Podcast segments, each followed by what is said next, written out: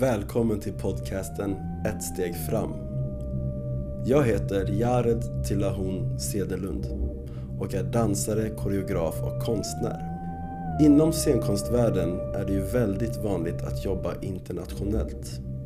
I den här poddserien har jag intervjuat framstående personer inom branschen för att bolla vad de tycker är viktigt att tänka på utifrån deras erfarenheter.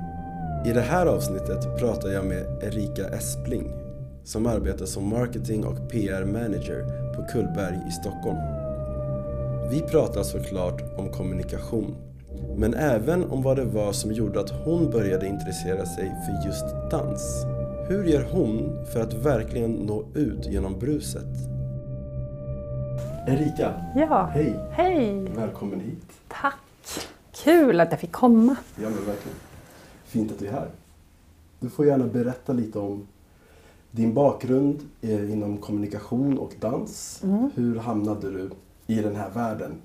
Alltså jag, nu går, går jag way back till eh, Luleå, Norrbotten. För då, då började, jag började dansa när jag var jätteliten. Jag tror faktiskt att det, det måste ändå hänga ihop med att jag började när jag var liten och dansade jättemycket. Sen ville jag bli skådespelare i Hollywood.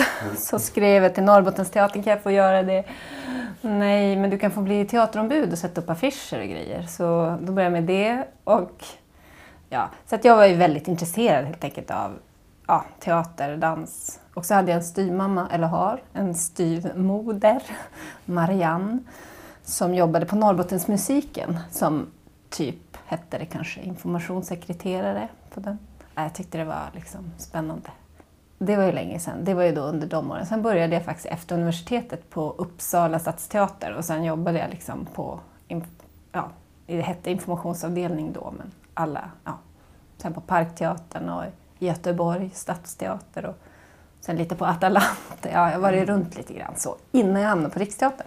Fast före jag var på Riksteatern så jobbade jag faktiskt som PR-konsult här i stan på ett ställe. Och sen så kom jag till Riksteatern och då var jag pressansvarig på Riksteatern i några år. Och sen kom jag till Kullberg. Men det är ju skillnad. Alltså, då jobbade jag ju länge med teater först och sen kom jag till Kullberg. Det är en viss skillnad ändå på att kommunicera om teater och sen eh, dans. Även om det hänger ihop. Hur ser en eh, vanlig arbetsdag ut? Jag jobbar ju då som liksom allting som handlar om kommunikation på Kullberg. Tillsammans såklart med Emmy som är producent. Vi jobbar ju nära varandra. Men också Stina och Gabriel som är i ledningen för kompaniet. Men liksom mitt uppdrag är egentligen att ha koll på alla delar av kommunikationen. Det vill säga, det vill säga liksom, ja, det är som en kommunikationsavdelning, kanske har flera personer som gör press, sociala medier, webben, interna corporate document, eller liksom verksamhetsberättelser, texter överhuvudtaget, all den typen av arbete. Men alltså en vanlig dag, idag, jag tänkte på det, idag har jag gjort, först så korrläste jag en text till en katalog för, en filmfestival och sen vad gjorde jag mer? Jag hade möte om ett arkiv, eller hur vi ska kunna utveckla arkivet det online. Vi har liksom ett, på hemsidan all, hela Kullbergs produktion från 67 till idag. Men hur vi kan utveckla och vad kan man liksom ha andra dokument och andra saker som kan vara intressanta för forskare, andra dansare, journalister. och allting. Och sen efter det så kollade jag på en film, en cellfilm som vi gjorde och godkände den. Och, eller skickade den till Emmy så var vi överens om den och sen så beställde jag grafik, pratade med en arrangör, skickade affischer till Luleå där de faktiskt ska vara nästa vecka. Kullberg, ett verk. Ja, så att det är väldigt mycket olika, men det är väldigt mycket mejlande.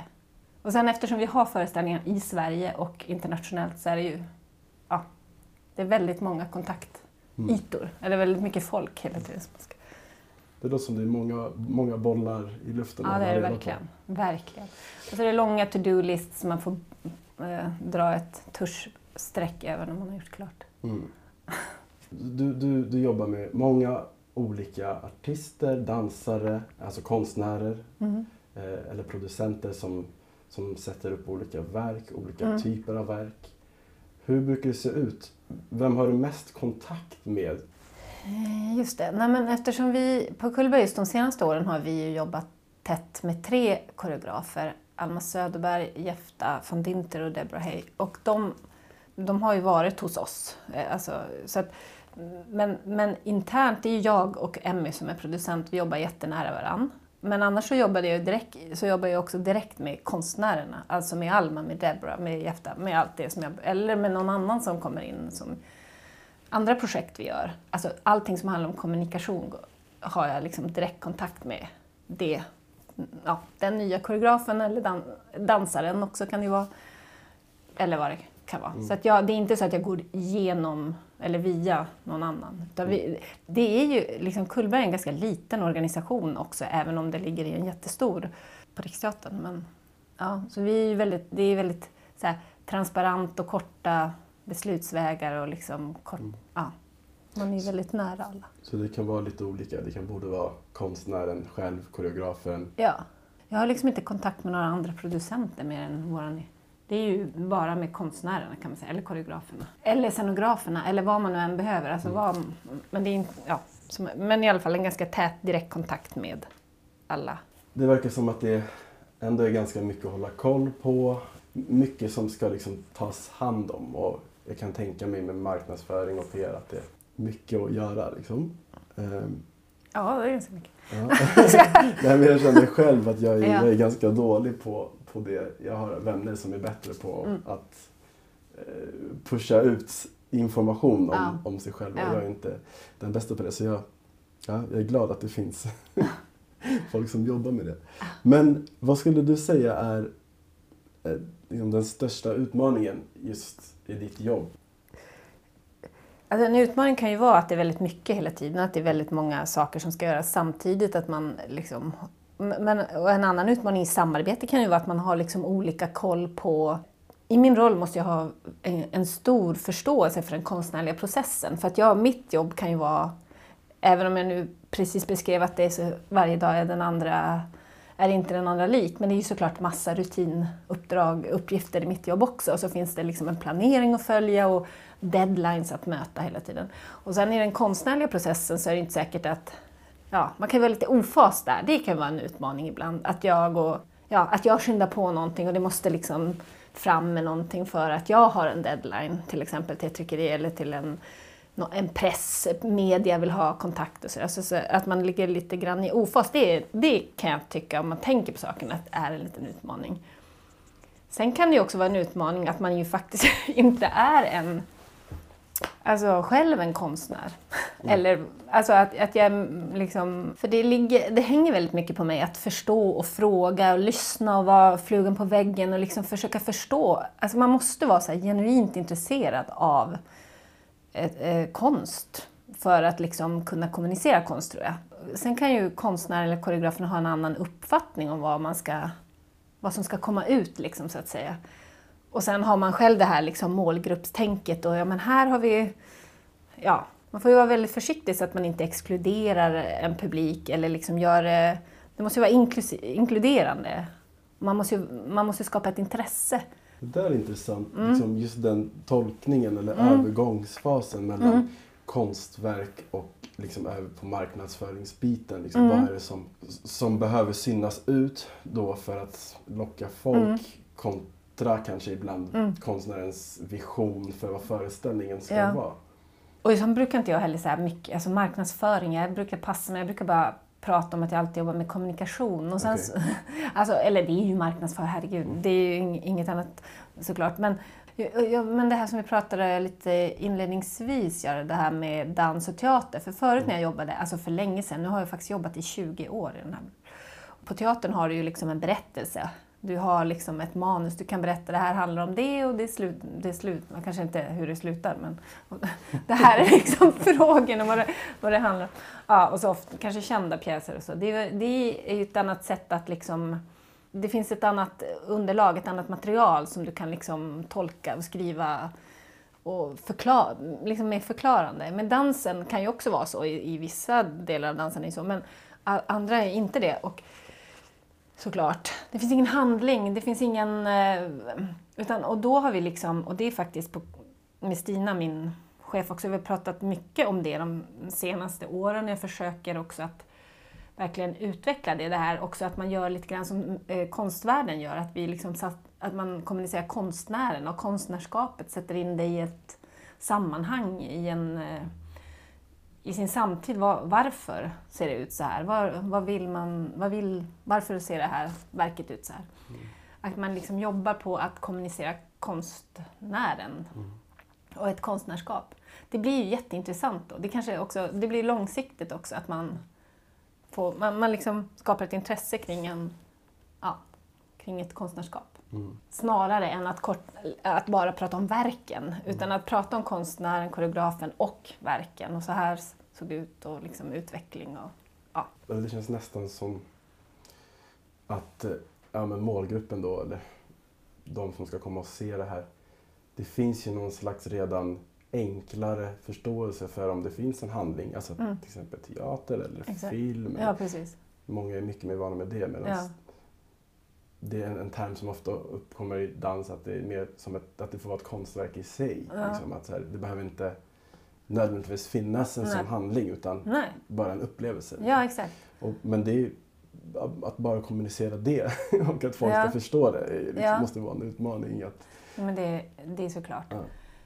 Men jag har liksom gått ifrån, jag har faktiskt slutat försöka ja. ens skriva några säljande copytexter om våra verk. Istället är det lite mer så här, och det är kanske också för att jag kanske berättar mer om koreografen och ber den också säga någonting och kanske också sätta in den just i ett sammanhang och den, ja, Istället för att försöka, det här är vad det nu är. För det är ju i alla fall bara en eh, individuellt och mm. subjektivt. Liksom, Okej, okay, fine, du tycker det, men ja, jag blir lite trött på det här. Ja, dans är så svårt och mm. dans är så svårt att skriva om och dans är så svårt att kommunicera. Åh, vilka problem. Det är inte alls några problem. Det är ju helt, det är en fantastiskt bra konst, bra konstform och prakt. Nej men det är jättefint och det är inte alls svårt. Och man ska sluta, ju mer man säger sådär desto svårare blir det. Så det, det är liksom en attitydfråga. Det är bara att sluta och... För jag var på Berwaldhallen förra veckan med min gode vän Mattias och det var faktiskt första gången som jag var på Berwaldhallen, har aldrig varit där.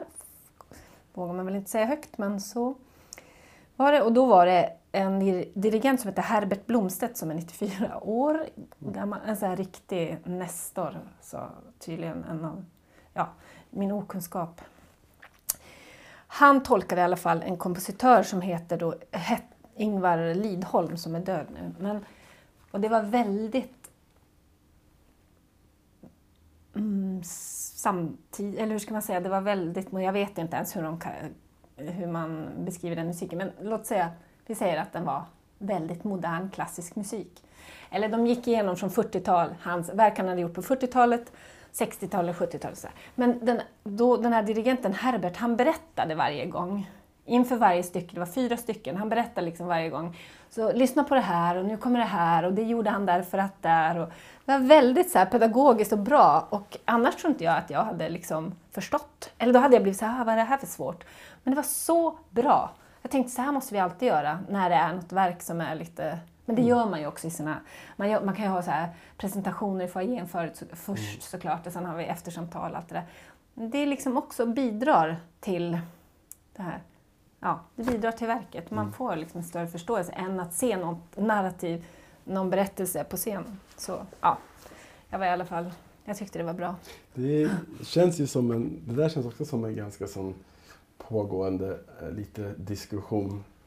Hur mycket vill man hur mycket vill en förklara verket? Mm. Hur mycket ska bara upplevas? Mm. Eh, ibland kan vissa konstnärer vara såhär, nej men om vi förklarar för mycket vad det är så mm. tar det bort från upplevelsen i sig. Mm. Medan många tycker, eller jag, jag, jag, kan känna igen det där också, att om vi mm. inte får en, någon typ av liksom, eh, information eller mm. riktning då kanske inte ens kan ta in något av konstverket. Nej. Precis. Så det är intressant. Nej, det är såklart en fin balansgång. Mm. Men jag är ändå så här, för det finns ju också den här, eller fanns förut i den här, det här är inte dans, hela den där diskussionen vad som är dans och inte dans. Och varför kan inte det här vara dans? För att man mm. inte liksom rör sig snabbt till musik i synkroniserade mm. rörelser. Alltså, eh, det kan ju ta bort lite grann av det tycker jag. I alla fall jag blev så här, wow, det här ja, det var väldigt bra där på Berwaldhallen. Att det blev väldigt, för mig gav det verkligen. Jag kan också tänka mig att delar av den av dansproduktionen, att man kan som publik, också beroende såklart, men då kommer man ner på det här målgruppstänket, var i Sverige, alltså det kan också vara olika var man är, om man behöver det eller inte behöver det. Men att, men liksom att man kanske att man ser sin publik, det är jätteviktigt, man känner sin publik, vilka är det, vad, vad har de för förkunskaper, gillar de det här? Ja. Hur, ska, hur ska det tas emot? Kan det, det kanske kan vara klokt med en mm. introduktion ibland. Men det var också något eh, du sa om eh, en av utmaningarna eh, när man jobbar med liksom, en konstnär eller ett, ett verk, att synka liksom, lite tidsplanen. Ja. Jag, kan, jag kan själv känna igen att, eh, eh, att vara i en, i en konstnärlig process och, och ja, se liksom det här behöver vi jobba på nu för att bli klara eh, sen. Mm. Och sen plötsligt så är det så här, nej men marknadsföringen och liksom mm. bilder och mm. trailer och det, det, ska vara klart om en vecka och mm. långt före mm. att vi ska ha en tänkt premiär eller sådär ibland. Så den känns lite klurig där liksom att ja. synka. Absolut, ja. och då ligger det faktiskt på min funktion och alla mina kollegors som har samma Nej, men man måste ju också, bara man, man måste, det ligger faktiskt på oss då att kommunicera och berätta varför man ska ha, för att vi är ju ändå ett liksom, stöd. Det är en mm. stödfunktion till den konstnärliga produktionen. Det är ju, vi finns ju inte för vår egen skull, utan det är konstverk, ja, verket och produktionen som är, som är det viktigaste förstås. Men det gäller ju att man är lite Egentligen tycker inte jag att det är ett problem. Det är bara att göra en planering ganska tidigt. Mm. Det skulle jag säga. Alltså att boka in så filmer och foton och den typen av sådana här saker som tar mycket av reptid till exempel. Om man gör det tillräckligt tidigt så här blir det ju inte problem om man har någon form av vettig mm. planering. Mm. Men det är klart att andra saker kan ju bli så här, att man, att man är i ofas ibland. Det mm. kan, nog, mm. det kan jag göra med min dåliga planering. Jag inte, men då för att kunna göra marknadsföring eller eh, att kommunicera mm. ut liksom, eh, gällande ett verk eller gällande en, en, en konstnär. Eh, vilken typ av material behöver du från, från konstnären? Ja, från konstnären behöver jag ju någon sorts ingång. Alltså man behöver ju alltid någon... Alltså jag skulle vilja ha liksom en upps lång text så här, från hjärtat vad det handlar om. Alltså att utgå ifrån så att mm. man lär sig också tonaliteten. Vad, vad vill den åt? Vad vill den här konstnären, koreografen åt? Det är det första man vill ha, är någon form av idé. Också en titel. Mm. Titeln kan ju vara ett, en utmaning eftersom den hänger in i, i den konstnärliga processen och så måste man, alltså vissa saker måste man ändå så här, tvinga mm. fram. Inte alltid, men ibland. Mm. Varje process ser också så olika ut eller det är klart att nu repar vi, här tar vi pressbild, det är inte så olika, men ändå själva processen däremellan är olika. Hur verket växer fram, det är faktiskt det. Sen vill man också ha en öppenhet, alltså att man kan nå varandra på ett enkelt sätt, att man, att man har någon sorts ömsesidig eh, förståelse för varandras uppdrag. Och gärna att man ställer upp på all, allt som frågar, press och intervjuer och allt vad det nu kan vara. Ja. Och där, nu leder mig till min nästa fråga då. Den absolut bästa tänkbara dialogen mellan dig och konstnären. Liksom ett ultimat scenario, hur skulle det se ut? Ja men, jo men det som vi var inne på, alltså att vi har en dialog med löpande, man kan nå varandra hela tiden, jag kan fråga alla mina dumma frågor. För jag tycker också att det ligger på mitt jobb att fråga alla frågor. Alltså saker som kan låta banalt, för att jag vet inte saker. Alltså jag kan ju se till så att det, du kommer ut med ditt verk men jag kanske inte förstår alla saker. Jag måste, eh, jag måste fråga och eh, förstå. Ja, och sen det här som jag var inne på också, att man, har, att man förstår eh, hur en, hur en, i den här processen så har vi de här och de här och de här sakerna som vi måste göra senast då. Och du måste vara beredd att feedback om du, på bilderna, på filmerna ganska snabbt för att det är ju, ja, produktionsprocessen kan ju vara hyfsat, ganska, ganska koncentrerad. Och, då kan, och man kan ju bara göra pressbilder till exempel, eller trailermaterial vid vissa tidpunkter om man vill att det ska vara ganska klart. Och då är det ofta ganska nära in på premiären och då, därför måste man jobba ganska snabbt hela tiden. Så att, ja, att man förstår förutsättningarna helt enkelt. En tydlig plan, en bra planering och att eh, att man är med på att hålla den planen och planeringen från Ja, fast det går ju inte alltid. Utan, och just Nej. nu när man jobbar liksom i process, det var ju så här, det ändras ju hela tiden. Det tycker jag också, att utifrån från mitt perspektiv så måste jag också, jag kan inte vara så himla fyrkantig som jag var förr i världen. Utan man måste ju också vara, man måste vara beredd att ompröva och göra om att det och liksom anpassa sig. För som jag var inne på, det, jag mitt jobb är ju en, en stödfunktion till dig då som koreograf. Och ändras det så ändras det. Det är inte hela världen. Men om man nu pratar om den mesta, den mest smooth, då kan man ju absolut tycka, ja, att man också, men också den här ömsesidiga förståelsen, att du då förstår vad jag, ja, vi måste vara klara till då, för att annars kommer inte det där att hända och då kommer den där arrangören inte få och då, ja. Men det är också väldigt bra att ha produktionsmöten en gång i veckan och att man går igenom väldigt tydligt så här att varje liksom, ljud, ljus, sätt, kostym, marketing, allting har liksom sin egen punkt. För jag kan uppleva så här förr i- världen, för länge sedan, när jag, då var det ju lite mer så här, jaha, oj vad jobbigt. Det är en helt annan förståelse för varför man måste kommunicera idag än vad det var 1997 när jag började. Där man trodde liksom att konst, konsten klarar sig själv, vi behöver ingenting. Det räcker med att vi kopierar lite texter på så här färgglada papper och sätter ut i foajén. Men idag är det ju så, där kan du lägga liksom din budget i mass, på massa olika eh, ställen och, och kanske inte bara fokusera på traditionella medier. Men det har ju också varit, så det har ju varit liksom en, verkligen en utveckling. Alltså under alla de här åren jag har jobbat så har ju sociala medier bara såklart exploderat. Så när jag började så fanns det ju inte överhuvudtaget. Så man har ju också, ja, det har ju verkligen förändrats också, ens eget arbete. Eh, Man måste anpassa sig efter utvecklingen såklart. Samtidigt finns traditionella medier, så att man måste liksom tänka på alla, eh, på hela, ja, på alla kanaler helt enkelt. Just det, för där blir det också att du når ut till olika eh, publik Ja. via de olika medierna. Eller? Ja, men sen är ju också, man säger, media är ju också en målgrupp i sig. Alltså, För mig är det ju att både alltså, journalister och publiken, och jag har ju inte egentligen så här direktkontakt med publiken för de är ju egentligen några som jag når via arrangören. Så egentligen skapar vi ju material, tar fram material som arrangören använder för att nå publiken och sälja biljetter.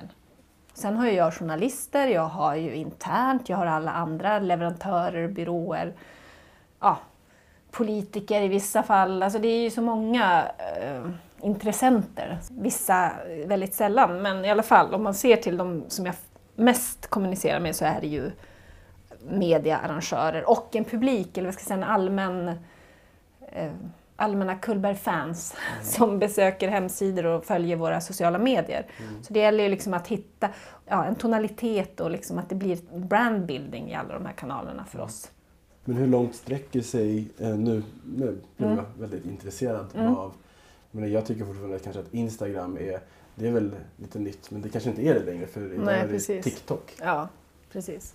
Liksom hur, hur, Ja. hur uppdaterad gäller det att vara? Är det liksom sådär? Absolut gäller det måste man ju absolut vara. Men man måste också känna sin målgrupp. Vad är vår målgrupp på TikTok? Alltså det vet jag inte idag. Man måste prioritera och så måste du veta vilka, var rör sig din målgrupp? Alltså var, var är de? Eh, det, det kan ju hända att det finns diff i, i vision. Låt säga konstnären eller så, liksom verket i sig vill eh, kanske beskriva någonting, få fram någonting eh, som kanske inte alltid är eh, det mest, eh, vad ska man säga, förståeliga eh, för någon som läser det första gången. Nej. Kanske. Så när det kommer till ett liksom, textarbete och så händer det ofta att du behöver formulera om texter. Eh, Ja. vad är det som saknas ofta i det materialet du får? Eller vad är det du behöver formulera Ja. om? Jag, jag vill jättegärna ha eller liksom utgå ifrån någonting som koreograf, någon idé och så. Och sen så måste man ju självklart formulera om. Till exempel ska du använda, alltså om du försöker förstå vad är det, vad är det den här koreograf, vad är det den här personen vill åt? Okej, jag, jag tror jag har förstått. Då försöker jag ju ändå att lite grann skriva om det. Det beror på lite grann. På webbsidan kan det vara väldigt fint också att ha mycket material. Du kan ha hela ja, liksom en beskrivning av verket av koreografen. Du kan också ha biografier, du kan ha liksom en teaser trailer. Allting blir ju liksom tillsammans så blir det ju en helhet som kommunicerar det här verket. Om du ska skriva pressmeddelanden kan du inte skriva rakt av hur det ska vara. Då måste man ju in med sin... Att anpassa det såklart. Jag kan inte använda texter, alltså måste förkorta och ja, det är många saker som ska till. Eh, men jag vet inte riktigt om jag saknar någonting. Det kan... Jo, jag saknar ibland så här, ett citat. Men det brukar jag också fråga efter. Kan jag få ett citat? Kan du berätta varför du gör det här? Mm. Eller vad vill du åt? Eller att försöka vara konkret. Men man ska inte heller liksom inte lita på sin publik, att inte tro publiken förstår. Eller, utan det, det är ju, jag tror väldigt mycket på den egna liksom, konstnärens röst.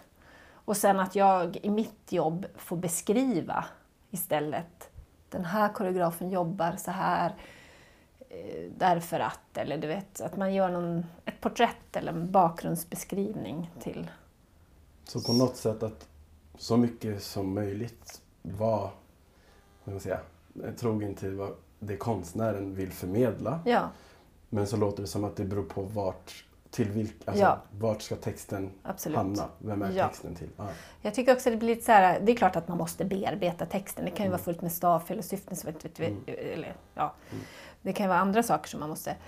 Men om man liksom försöker göra det bästa koncentratet av det man har fått och sen så anpassar man till olika, ja, i olika kanaler.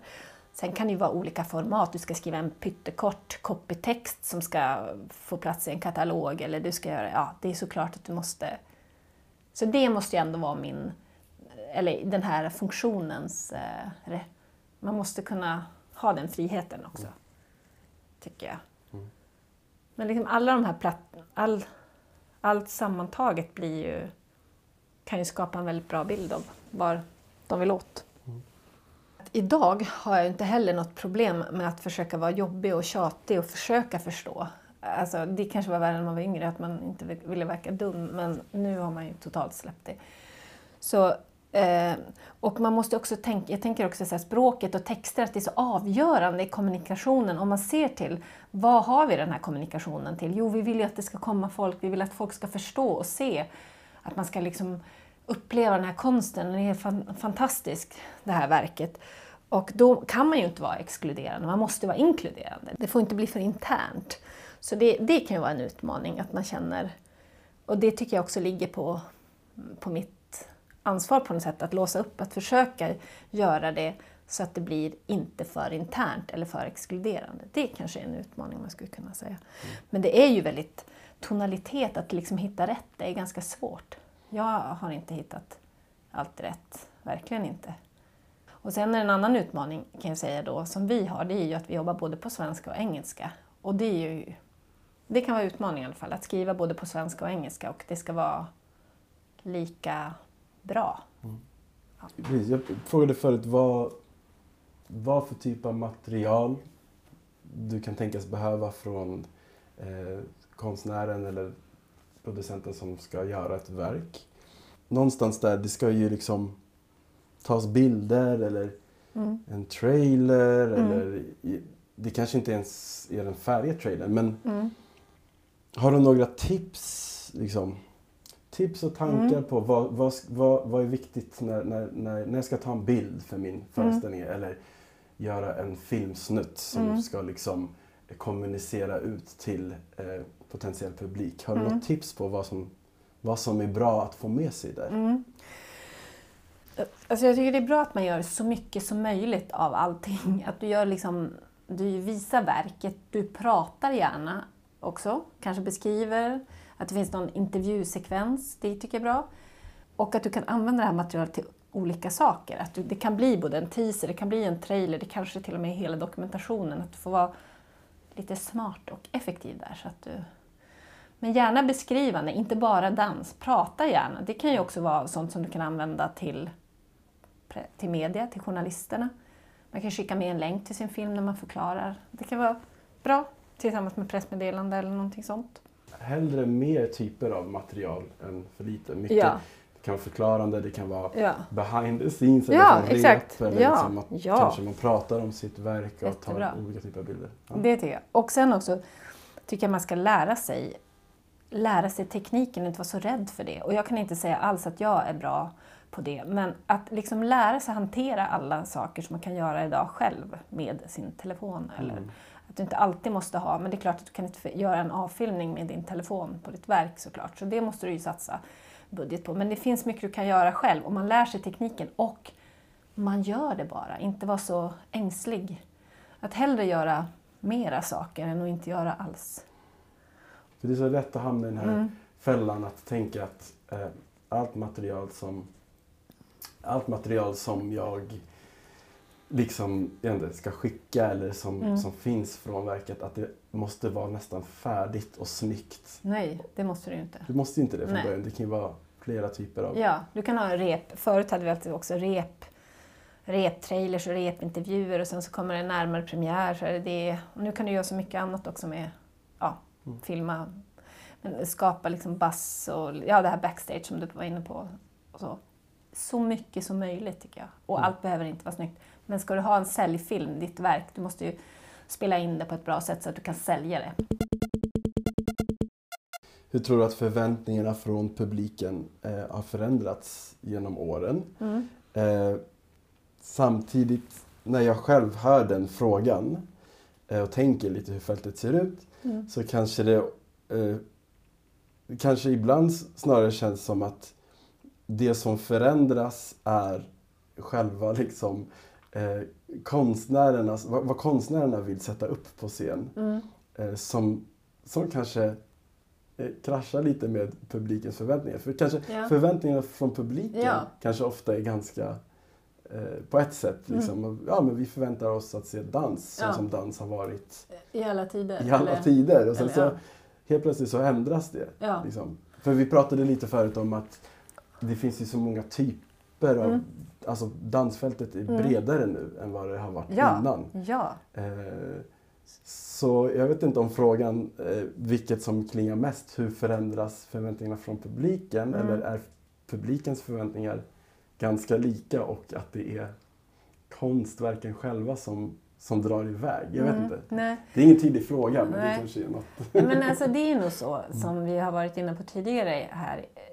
Just att dans, dansen ser så, är så mångfacetterad. Det finns så olika, mång, det finns så många olika dansverk idag. Och just i Stockholm finns det också väldigt, en väldigt levande dansscen. Det är så, så mycket danskonstnärer som är som är aktiva. Alltså det ser ju, så, här, så här var det ju inte för 20 år sedan, eller 15 år sedan. Men det ser lite olika ut också över landet tror jag. Så förväntningar kan nog vara så här, ja, i vissa fall i alla fall. Men är det här dans? Eller vad är dans? Ja. Men, men man har ju också möjlighet att se mycket mer dans. Och, mycket, och olika, olika verk och bilda sig en uppfattning. Det finns ju så jättemycket intressant idag. Så det kanske bara är en, alltså långsiktigt tror jag det kommer att bli tror det kommer att bli bra. Ja men precis. Eh, Då är det lite så att förväntningar kan se väldigt olika ut. På olika ställen, Jo. olika Ja. årtal. Och, Ja, men också så här, vad man har, blivit, vad man har varit ut, utsatt för, jag säga. Nej, men vad, som man har kun, ha, vad man har haft tillgång till. ja.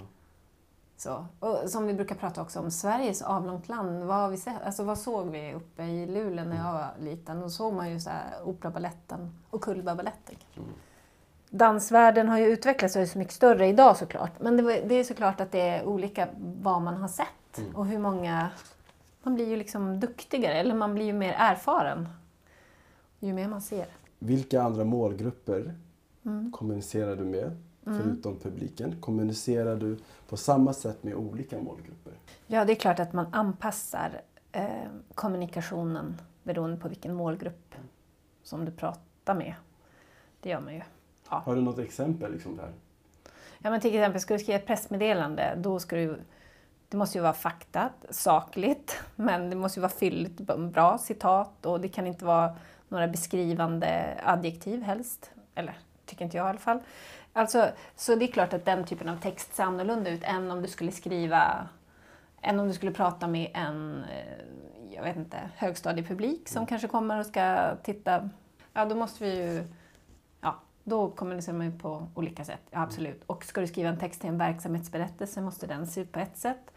Och ska du skriva en katalogtext ser det ut på annat sätt. Så att, ja, det är lite... Det tycker jag nog att det är. Mm. Men jag har tänkt mycket på det här också, hur man ska hitta en tonalitet som verkligen funkar som, verkligen, som kompani. Om, om jag nu jobbar där jag jobbar idag, att man försöker hitta fram till vad är våran som kompanis tonalitet, alltså vad är våran röst? Mm. Ja. Och att den är ju ändå... Är det som att det, det skulle en vilja liksom ändå skiner igenom oavsett vilken grupp? Ja, så skulle man vilja att det Mm. var kanske.